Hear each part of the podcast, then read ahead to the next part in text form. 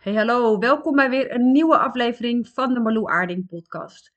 Op het moment dat ik deze podcast opneem is persconferentie nummer whatever in aantocht, die zal vanavond plaatsvinden. En ik merk dat er collectief echt voelbaar is hoeveel angst er in de lucht zit, hoeveel machteloosheid er in de lucht zit. Maar ook hoe verslagen we ons voelen, eh, ongeacht of je nou wel of niet gevaccineerd bent of ongeacht jouw mening hierin. Is dit iets waar we op dit moment allemaal mee worstelen? Er worden keuzes voor ons gemaakt waardoor we het gevoel hebben ehm, dat we steeds minder invloed hebben. En in deze podcast wil ik je juist meenemen in het stukje waar jij wel invloed op hebt. Ik ga in deze podcast vijf praktische tips met je delen Puur om je een beetje houvast te geven in deze hele gekke, hectische tijd. En je hopelijk daarmee het gevoel te geven dat je nou, weer even herinnerd mag worden in ieder geval aan de regie die je zelf hebt en aan hoe groot jouw cirkel van invloed is.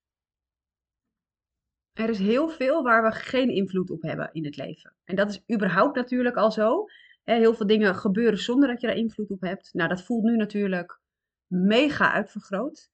Maar er zijn altijd dingen waar je wel invloed op hebt. En wat mij betreft is dat ook de plek waar jouw kracht ligt. Veel van ons voelen zich verslagen, verdrietig, angstig, bang voor wat de toekomst gaat brengen. Ehm, ik ook, dus ik doe heel hard met je mee. En dit mag ook. Je mag je machteloos voelen, je mag je verslagen voelen. Er is een verdeeldheid voelbaar die nou, voor bijna niemand heel erg prettig is. Dus dit is ook iets wat we samen dragen. Ik ga met jou de eerste tip delen die ik je mee wil geven waar jij wel invloed op hebt. De eerste tip is: investeer in jouw welzijn. Maak jouw gezondheid belangrijk. We weten juist in alles wat er nu speelt dat er heel erg gehamerd wordt op gezondheid. Jij hebt invloed op wat je in je mond stopt, hoeveel tijd jij spendeert aan de dingen die jij belangrijk vindt voor jouw gezondheid. En voor de een is dat naar buiten gaan, de natuur opzoeken, uh, je in het daglicht bevinden, bewegen, uh, sporten, op wat voor niveau dan ook, of het nou hele milde yoga-oefeningen zijn of fanatiek sporten. Voor sommige mensen is dat mediteren of stilstaan bij bepaalde affirmaties die ze hebben. Het maakt niet heel veel uit hoe jij dit voor jezelf in wil vullen. Maar als jij je gezondheid belangrijk wil maken, weet dan dat je daar ruimte in voor mag nemen. En ook daarvoor geldt of dat nou vijf of tien minuten per dag is of een uur. Zorg dat jij je welzijn belangrijk maakt. En hoe angstiger wij zijn, hoe nou, meer verslagen wij ons voelen, dat, nou, dat drukt ons bijna een beetje in een soort bevriesstand. Waardoor je niet meer goed voor uitkomt, uh, het soms hopeloos voelt. Maar blijf, hoe klein dan ook, deze dingen voor jezelf doen als jij dit belangrijk wil maken. Probeer daarbij ook echt mee te veren met jouw natuurlijke flow. En dit klinkt heel uh, makkelijk. Um, dat is het niet altijd, want we doen dit vaak helemaal niet. En met natuurlijke flow meeveren bedoel ik dat als jij behoefte hebt om je even terug te trekken, of als jij behoefte hebt om te bewegen, omdat je gewoon je onrustig voelt, je voelt nou, dat je dat er even uit mag bewegen, luister daar dan naar. En vaak vergeten we dit en gaan we door omdat er nou, van alles gedaan moet worden of ons hoofd vindt dat we linksaf moeten gaan terwijl je voelt dat je lichaam rechtsaf wil gaan. Probeer mee te veren waar jij bij mee kunt veren. Daarmee neem je je eigen behoeften serieus, maar dit betekent ook dat je in plaats van het tegen de stroom aan het inzwemmen bent, ben je met de stroom aan het meezwemmen. Jouw lichaam weet precies wat je nodig hebt. Probeer daar naar te luisteren. Heb je zin om in een boek te kruipen, creatief bezig te zijn, een vriendin te bellen, lekker hard muziek op te zetten? Luister daarna. Die hele kleine signalen, die fluisterstemmen die er ergens achter in je hoofd naar voren komen, geef ze de ruimte. Neem ze serieus, zodat jij jouw gezondheid en jouw natuurlijke flow belangrijk kan maken. De tweede tip die ik je wil geven is voel. En dat zegt letterlijk alles. Voel. Want we voelen op dit moment zoveel. En stiekem willen we dit helemaal niet voelen. We willen niet bang zijn. We willen ons niet radeloos voelen. We willen ons niet verdrietig voelen. We proberen ons sterk te houden en door te gaan met alles wat er moet gebeuren op een dag. Maar je heel hard niet angstig willen voelen, maakt je niet minder angstig. Je heel hard niet boos willen voelen, maakt je ook niet minder boos. Wat we vaak doen, zijn die vervelende emoties of wegdrukken, of we willen er gewoon heel snel van wegrennen. Dus we proberen heel hard te bewegen naar die fijnere emotie. En misschien herken je dat wel. Ik heb dat zelf ook, dat ik denk, hé, maar waarom voel ik me nou zo en dit wil ik helemaal niet. En uh, ja, welk signaal gooi ik nu het universum in en uh, dit helpt mij toch helemaal niet. En dus mijn hoofd gaat zich daarmee bemoeien. Ik heb ook wel eens dat als ik daar echt heel erg veel last van heb, dat ik zelf niet eens bij mijn fijne gevoelens kan komen van dankbaarheid, van genietmomentjes. Maar op het moment dat jij heel hard wil bewegen naar een andere emotie, negeer je die minder prettig voelende emotie. Maar die, die is er gewoon. En dat heel hard wegstoppen. Ik leg het altijd aan mijn kinderen uit. En misschien is dat ook wel de makkelijkste uitleg. Dat op het moment dat je buikpijn hebt, is dat lang niet altijd buikpijn. Dat kunnen ook emoties zijn die er ergens in je lijf een plekje zoeken en daar gaan zitten, omdat ze nog niet de ruimte hebben gehad om te stromen of om gezien te worden. En hoe meer emoties jij opkropt en niet toelaat, hoe meer van deze plekjes je gaat krijgen. En ik geef natuurlijk in Jip en Janneke taal even het woordje buikpijn. Maar dit is wel hoe het werkt. Je emoties wegstoppen is als een bal onder water duwen. Hij komt weer boven. Op het moment dat jij in deze hectiek waarin we nu in zitten en waar we eigenlijk al anderhalf jaar in zitten en God weet hoe lang dit nog gaat duren. Als jij juist in die hectiek die emoties probeert weg te duwen, maak je het zoveel lastiger voor jezelf, want het komt hoe dan ook naar boven. Dus probeer ze te voelen. Probeer stil te staan bij wat je voelt. En dat, hoewel dit zo makkelijk klinkt, weet ik uit ervaring dat dit niet makkelijk is. Maar het kan al helpen als je gewoon woorden geeft aan wat je voelt. Dus soms merk je dat je lontje kort is en dat je loopt te snauwen tegen je partner of tegen je kinderen of tegen wie dan ook. En als je dieper nadenkt, denk je: ik ben helemaal niet boos. Ik voel me gewoon enorm angstig of verdrietig. Geef er maar woorden aan. Praat met iemand met wie jij kan praten, of dat nou je partner is, je moeder, een vriendin. Misschien gaat het jou wel veel makkelijker af om te schrijven. Zing als een bezetene mee met liedjes die jou helpen om je gevoel te uiten. Uh, alles wat ruimte geeft aan het gevoel wat jij op dat moment voelt, is helpend. En in beweging zijn helpt daar ook bij. Want op het moment dat wij energie gaan vastzetten, door te bevriezen, door stil te blijven, door ons niet uit te spreken, worden dat blokkades en die blokkades worden groter en groter en groter. En op het moment dat jij beweegt, of je nou gaat wandelen, danst, of hoe jij dat dan ook vorm wil geven, zet je de energie in beweging. En emoties, en misschien heb je dat wel eens ergens gehoord, maar emoties staat letterlijk voor energy in motion. Dus energie in beweging. Je moet bewegen om de energie te laten stromen. En misschien is het wel leuk als ik daarbij een voorbeeld geef. Want ik ben in 2014, 2015 heel erg ziek geweest. Nou, toen kreeg ik de diagnose ziekte van Lyme. Ik kon moeilijk lopen, moeilijk praten. Uh, was afgekeurd, functioneerde niet. Het was echt een groot feest. Ik ben toen gaan revalideren.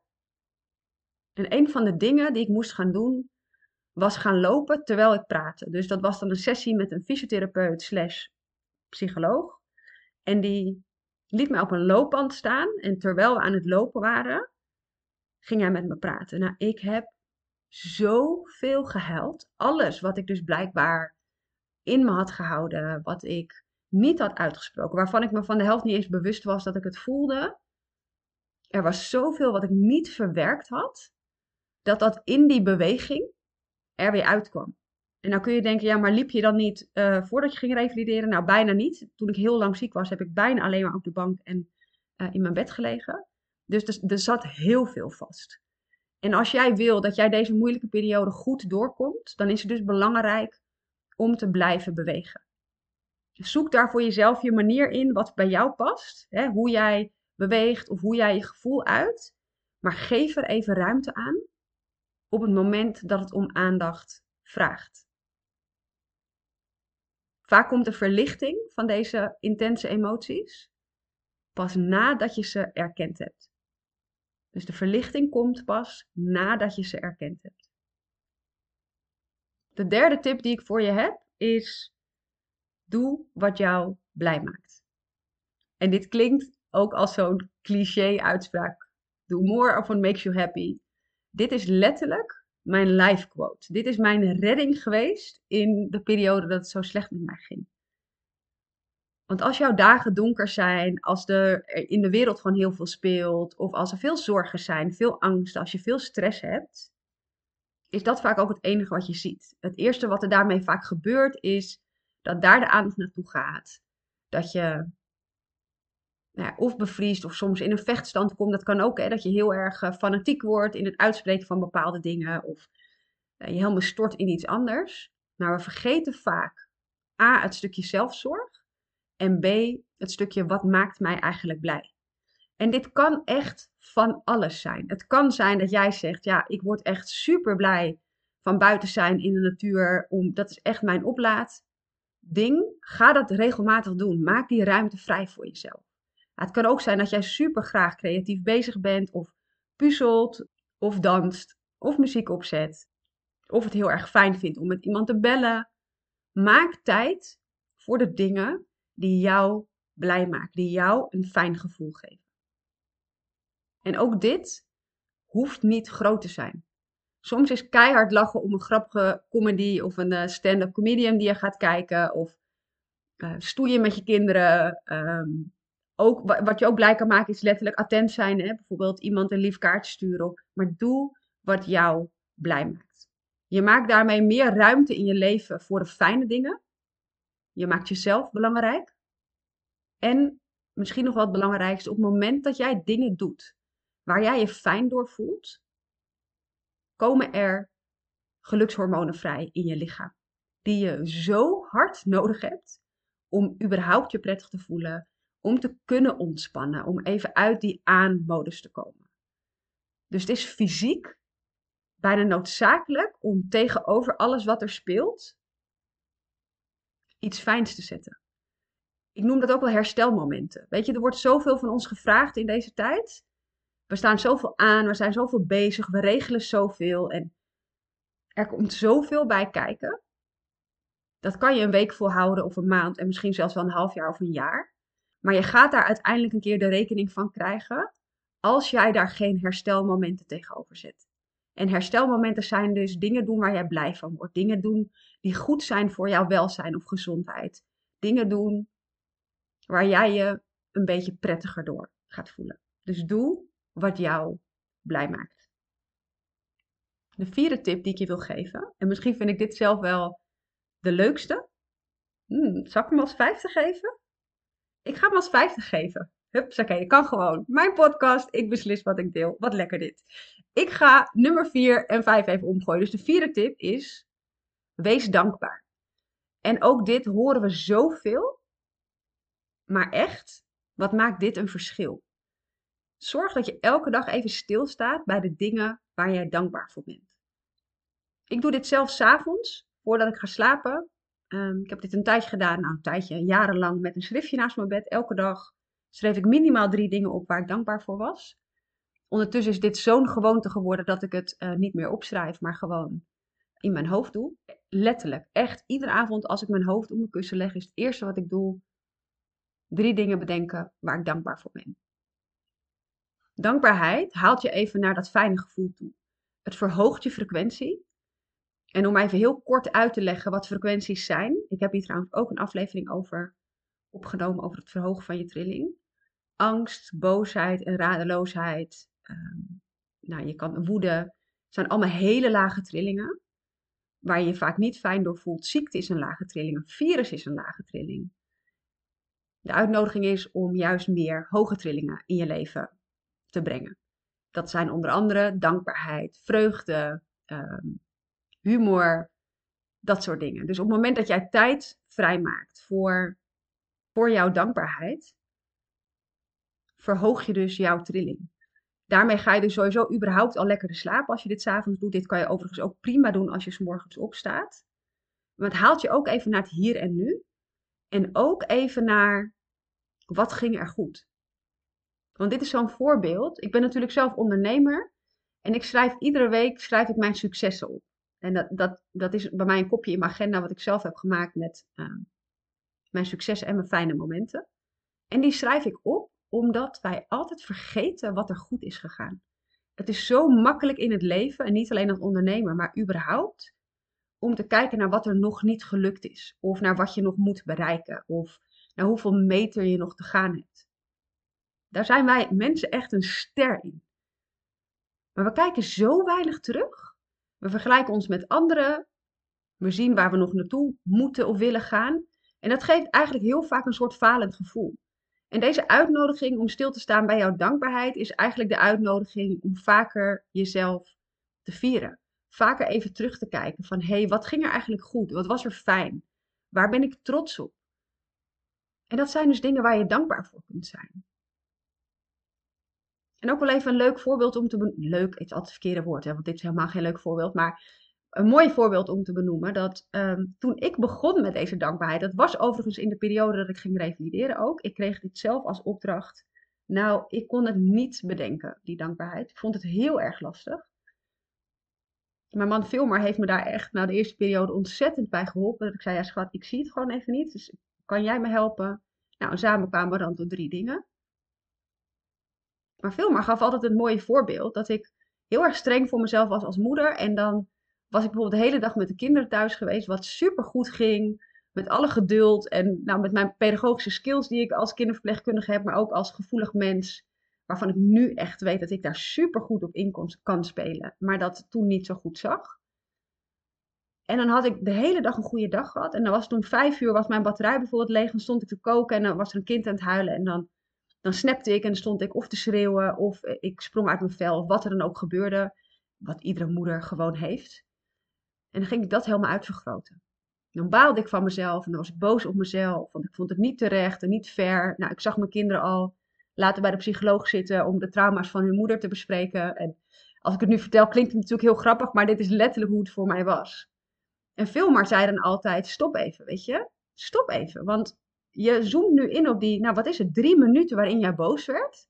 En misschien wel onterecht boos werd. Maar je vergeet dat je in de acht uur voorafgaand aan die tien minuten zoveel goed hebt gedaan. En ik vertel dit voorbeeld omdat dit dus vaak is hoe het werkt. We vergeten wat er goed gaat. En op het moment dat jij tijd vrijmaakt voor die dankbaarheid, nou het kost je nog geen paar minuten per dag, vergroot je dus die fijne gevoelens, jouw vier momenten, jouw successen.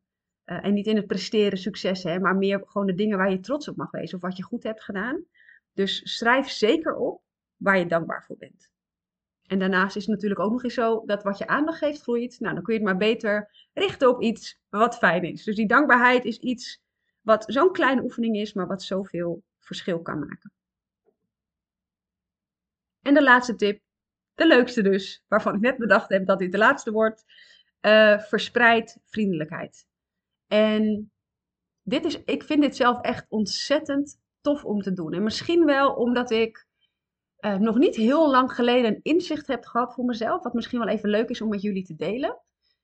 Ik zal proberen even on track te blijven. Want ik vind het namelijk echt een fascinerend verhaal. Ik heb heel lang de gedachte gehad: waarom vraagt niemand aan mij hoe het met mij gaat? Klinkt natuurlijk vrij pessimistisch, maar dit is letterlijk wat ik dacht. En niet een paar jaar geleden tot zeer voor kort. En vooral um, familieleden en dierbaren. En toen dacht ik, wat interessant. Ik heb me daar heel lang heel alleen in gevoeld en heel lang gedacht, boeit het anderen dan niet hoe het met mij gaat? Waarom vraagt niemand wat mij bezighoudt in mijn leven? En niet gewoon de vraag van, hey, hoe is het? Of alles goed? Die bedoel ik niet, maar echt oprecht gewoon, hoe is het met jou? Of wat houdt je bezig? Of hoe is het met je, met, nou, met je kinderen of met, met je bedrijf? Gewoon de oprechte vraag: hoe is het?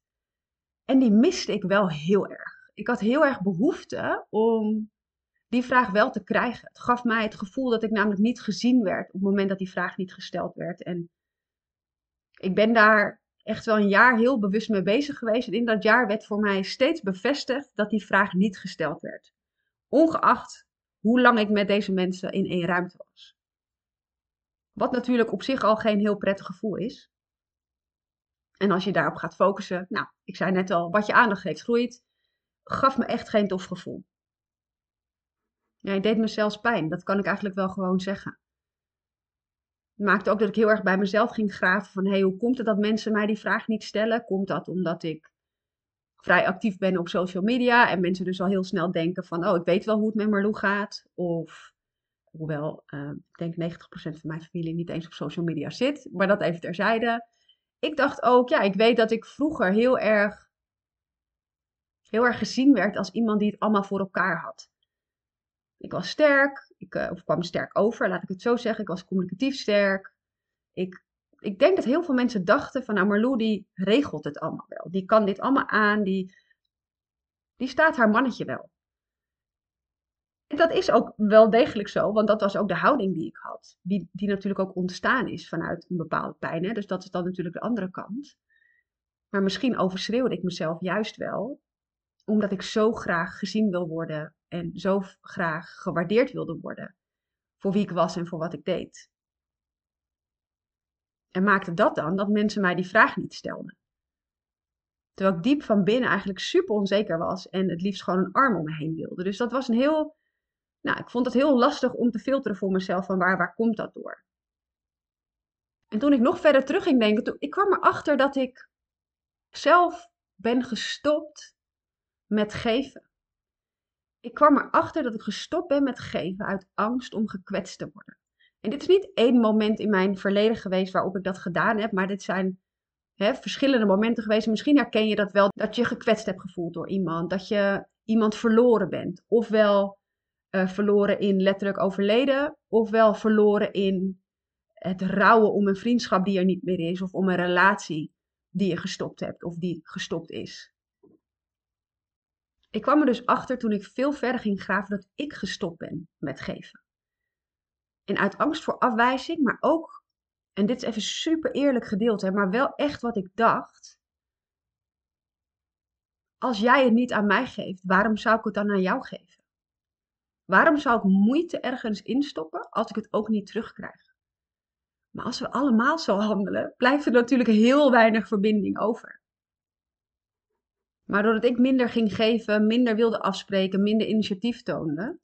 En laat ik even vooropstellen dat als je in een vriendschap zit die je helemaal leegslurpt, zeg ik nu niet dat je maar oneindig moet blijven geven. Want daar ben ik zelfs vrij zwart-wit in. Het mag iets toevoegen, helemaal als het een vriendschap is.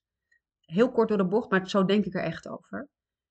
Maar ik heb het nu over mensen waar jij wel in wil investeren, die voor jou belangrijk zijn, waarbij jij het liefst diep van binnen wil dat die relatie goed is. Maar doordat ik steeds minder ging geven, minder langskwam, doet dat natuurlijk ook wat met de andere partij. Ik zend natuurlijk ook wat het universum in. Werd die afstand steeds groter en werd ik steeds weer bevestigd van zie je wel, ik doe er niet toe. En ik kwam tot het inzicht dat als ik de kraan van geven dichtzet, zet ik de kraan van ontvangen ook dicht. Dus als ik de kraan van het geven dichtzet, zet ik de kraan van het ontvangen ook dicht. Dus daar lag meteen het antwoord van mijn vraag: waarom vragen mensen niet hoe het met mij gaat? Ik kan hier dus zelf wat aan doen. En het toffe is, en daarom deel ik dit verhaal met jullie, ik heb op dat moment besloten, ik heb op dat moment de keuze gemaakt om meer te gaan geven. Grenzeloos, eindeloos, en niet, ook hiermee bedoel ik niet totdat ik zelf dood neerval en uh, er niks meer van mij over is. Maar ik was altijd bang, onbewust is dit geweest, hè, maar dit werd voor mij ineens helder recent. Ik was altijd bang dat mijn geven op een gegeven moment opraakte. Dus dan, dat ik het dan maar uit angst bij me hield, want dan had ik het in ieder geval niet voor niks gegeven. Is natuurlijk gewoon dikke angst voor afwijzing. Maar het raakt niet op. Geven kun je doen door te glimlachen naar iemand, door een lief berichtje te sturen, door interesse te tonen in iets wat die persoon bezighoudt. En als ik ver terugkijk, is dat wie ik van nature ben. Maar wat ik dus echt ja, kwijt ben geraakt. Door, door, het is ook niet erg, hè? het is niet iets wat ik mezelf kwalijk neem. Maar wel dat ik denk, hé, hey, ik heb hier dus een keuze in. Als ik dingen bij me hou uit angst, zend ik dus het universum in dat er niet genoeg is. En op het moment dat ik ervoor kies om te geven en erop vertrouw dat er genoeg is, is dat ook wat ik uitzend naar het universum. Liefde is er in overvloed, interesse is er in overvloed, vriendelijkheid is er in overvloed. Er is niemand die minder liefde krijgt omdat jij meer liefde geeft. Er is niemand die minder vriendelijkheid krijgt als jij meer vriendelijkheid geeft. En dit geldt natuurlijk voor alles. En doordat ik me weer open kon stellen voor het geven, zonder wat terug te verwachten. Want laat ik even helder hebben dat op het moment dat jij het, het universum ingooit of dit gaat doen, omdat je dan denkt, nou misschien krijg ik dan een keer wat terug. Nou, kan ik je vertellen dat dat natuurlijk niet zo werkt. Dan geef je zelfs een tekort signaal af. Maar als jij geeft voor jezelf, zodat jij je fijn voelt, zodat je ziet dat anderen zich fijn voelen en jij je daardoor weer fijner voelt, want dat is hoe het werkt. Hè? Het is een soort nou, sneeuwbaleffect. Als je op die manier gaat geven, oh, er verandert zoveel. En op het moment dat ik die keuze heb gemaakt, ben ik letterlijk me zoveel bewuster van hoe, wat ik zelf kan doen, maar ook hoe dit direct doorwerkt. Dus als ik nu op straat loop, of ik nou de hond uitlaat of naar de supermarkt ga, glimlach ik naar mensen. Groet ik ze bewust even. En soms zie ik iemand lopen met een beetje een nors gezicht of een zuur gezicht, zoals ik dat voorheen zou benoemen. En stuur ik ze in gedachten liefde. Niemand weet dat ik dat doe. Ik hoef er geen dankjewel voor, het is niet zichtbaar en toch voelt het voor mij fijn. Want wat kost het mij nou om iemand anders iets te geven op deze manier? En natuurlijk kan geven ook in uh, materialisme zijn, hè? in een leuk presentje, in een kaartje, in een, in een cadeautje wat je, nou, wat je ziet liggen en wat je aan iemand doet denken. Maar alles waarin jij geeft en attent kunt zijn, daarmee help je jezelf en je maakt de wereld een beetje mooier. Ik heb me voorgenomen om iedere keer dat ik naar iemand toe ga, ik vind het spannend om dit uit te spreken, want ik weet niet wie dit allemaal luisteren, uh, om iets mee te nemen voor die persoon. Ofwel een kom soep, hè, dat ik een, een pan soep heb gemaakt dat ik gewoon een lekker bakje voor iemand meeneem. Of een mooie bloem die ik koop. Of een kleine edelsteen. Of een tijdschrift. Of nou, wat dan ook. Er is genoeg. En ik dacht in geldtekort en in geeftekort. En op het moment dat je daarin denkt en denkt, ja, maar dat kan ik niet kopen of dat kan ik niet doen, want dan is er minder voor mij of misschien word ik wel gekwetst of misschien krijg ik het niet terug. Het geeft niet. Jij mag geven. Grenzeloos, eindeloos. Er is niet maar een beperkte hoeveelheid wat jij kunt geven. Je hoeft daar dus ook niet zuinig op te zijn. Gisteravond was het, op het moment dat ik deze podcast opneem, is het 12 november. Gisteravond was het dus Sint Maarten. Uh, nou weet ik niet waar in Nederland jij woont, maar waar ik woon in Harderwijk uh, lopen de kinderen dus ook echt langs de deuren. En toen dacht ik, oh wat superleuk, wat kan ik nou doen? Mijn kinderen lopen niet meer. Maar hoe kan ik mensen in deze tijd, waarvan ik me ook nog voor kan stellen in deze gekke periode. Ehm, dat sommige mensen denken, ja, kan ik wel langs de deuren gaan, want vinden mensen dat wel veilig genoeg in verband met de afstand die er wel of niet is en mogelijke besmetting. Ik dacht, wat kan ik doen? En dat kwam ploep zo in mijn hoofd op dat ik dacht, oh wat leuk. Ga met de kinderen, ga ik de tuin versieren met lichtjes. Dus we hebben onze kerstverlichting van zolder gehaald. En we hebben een soort rode loper gemaakt voor de kinderen die s'avonds snoep zouden komen halen. Dus de tuin versierd, heel veel kaarsjes voor het raam gezet.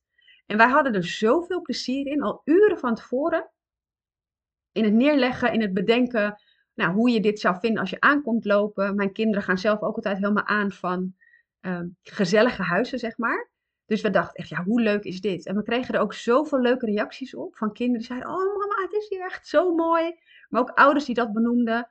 En lang niet iedereen. Maar het maakt niet uit. Wij vonden het leuk om te doen en het voelde alsof ik iets gaf. Een stukje vriendelijkheid, een stukje warmte, een stukje wees welkom.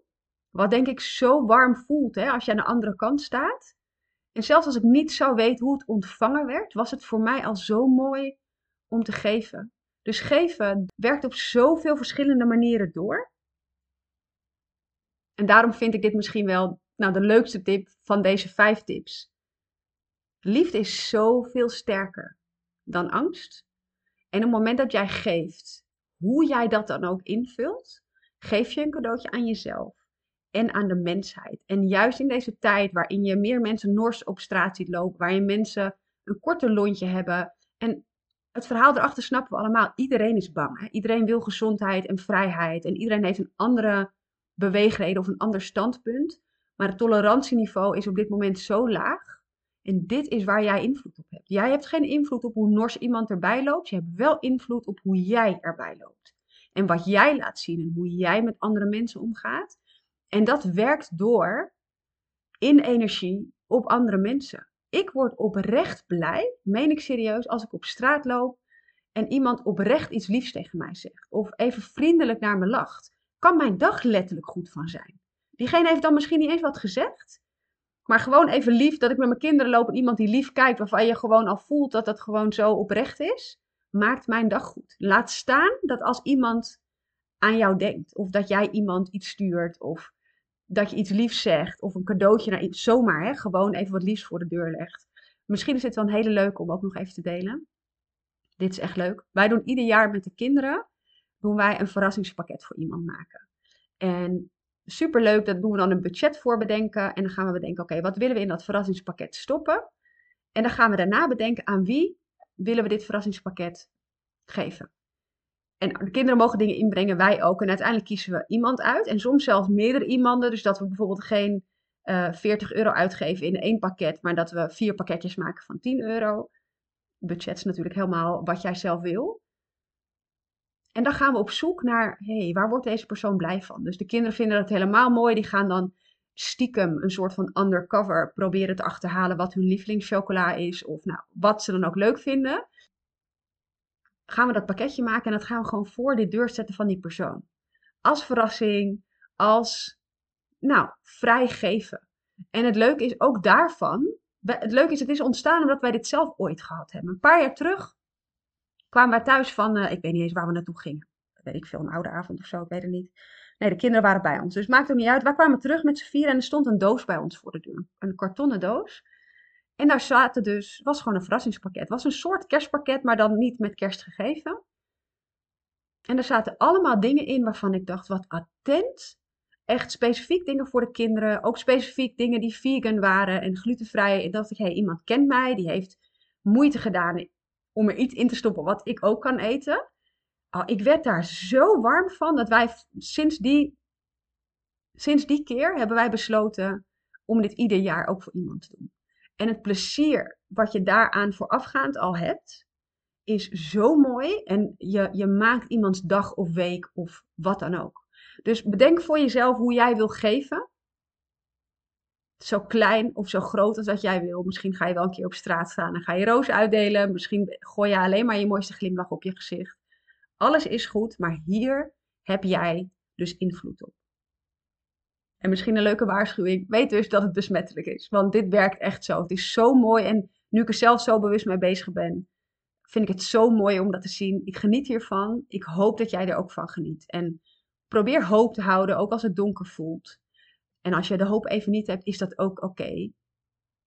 Dan wens ik jou vooral heel veel liefde om door die processen heen te gaan waarin het verdriet soms heel erg groot is, waarin de angst soms heel erg groot is. En soms de radeloosheid heel erg groot is. Die, die periode zal ik ook hebben, heb ik nu ook en zal ik waarschijnlijk ook houden. Maar weet dat los van die momenten, daarnaast, daarnaast, dus het mag gewoon naast elkaar staan. Je kan je effing radeloos voelen.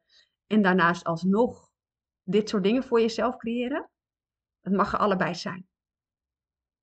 En ik hoop dat je heel veel lichtmomentjes voor jezelf kunt vinden. Door deze vijf tips toe te passen welke dan ook voor jou passend voelt. En om ze even samen te vatten, die vijf tips. De eerste is dat je invloed uit kunt oefenen op jouw gezondheid en op hoe belangrijk je dat wil maken. De tweede is voel. Maak ruimte voor je emoties. Laat ze er zijn. Je hebt niet altijd invloed op wat je voelt, maar je hebt wel invloed op hoe je daarmee omgaat. Drie, doe wat jou blij maakt. Vier, wees dankbaar. En vijf, geef. Verspreid die vriendelijkheid. En misschien is dat wel de mooiste om mee af te sluiten. Dankjewel voor het luisteren naar deze podcast. Deel deze podcastaflevering ook gerust met iemand waarvan je weet dat die dit kan gebruiken in deze moeilijke tijden. Dat is ook geven en dat is ook delen. En zo helpen we elkaar net iets makkelijker deze periode door. Als je me iets wil laten weten over dat je geluisterd hebt, vind ik altijd super leuk om te horen. Je kan me een berichtje sturen op Instagram via Marlou Aarding. Tot in de volgende podcast.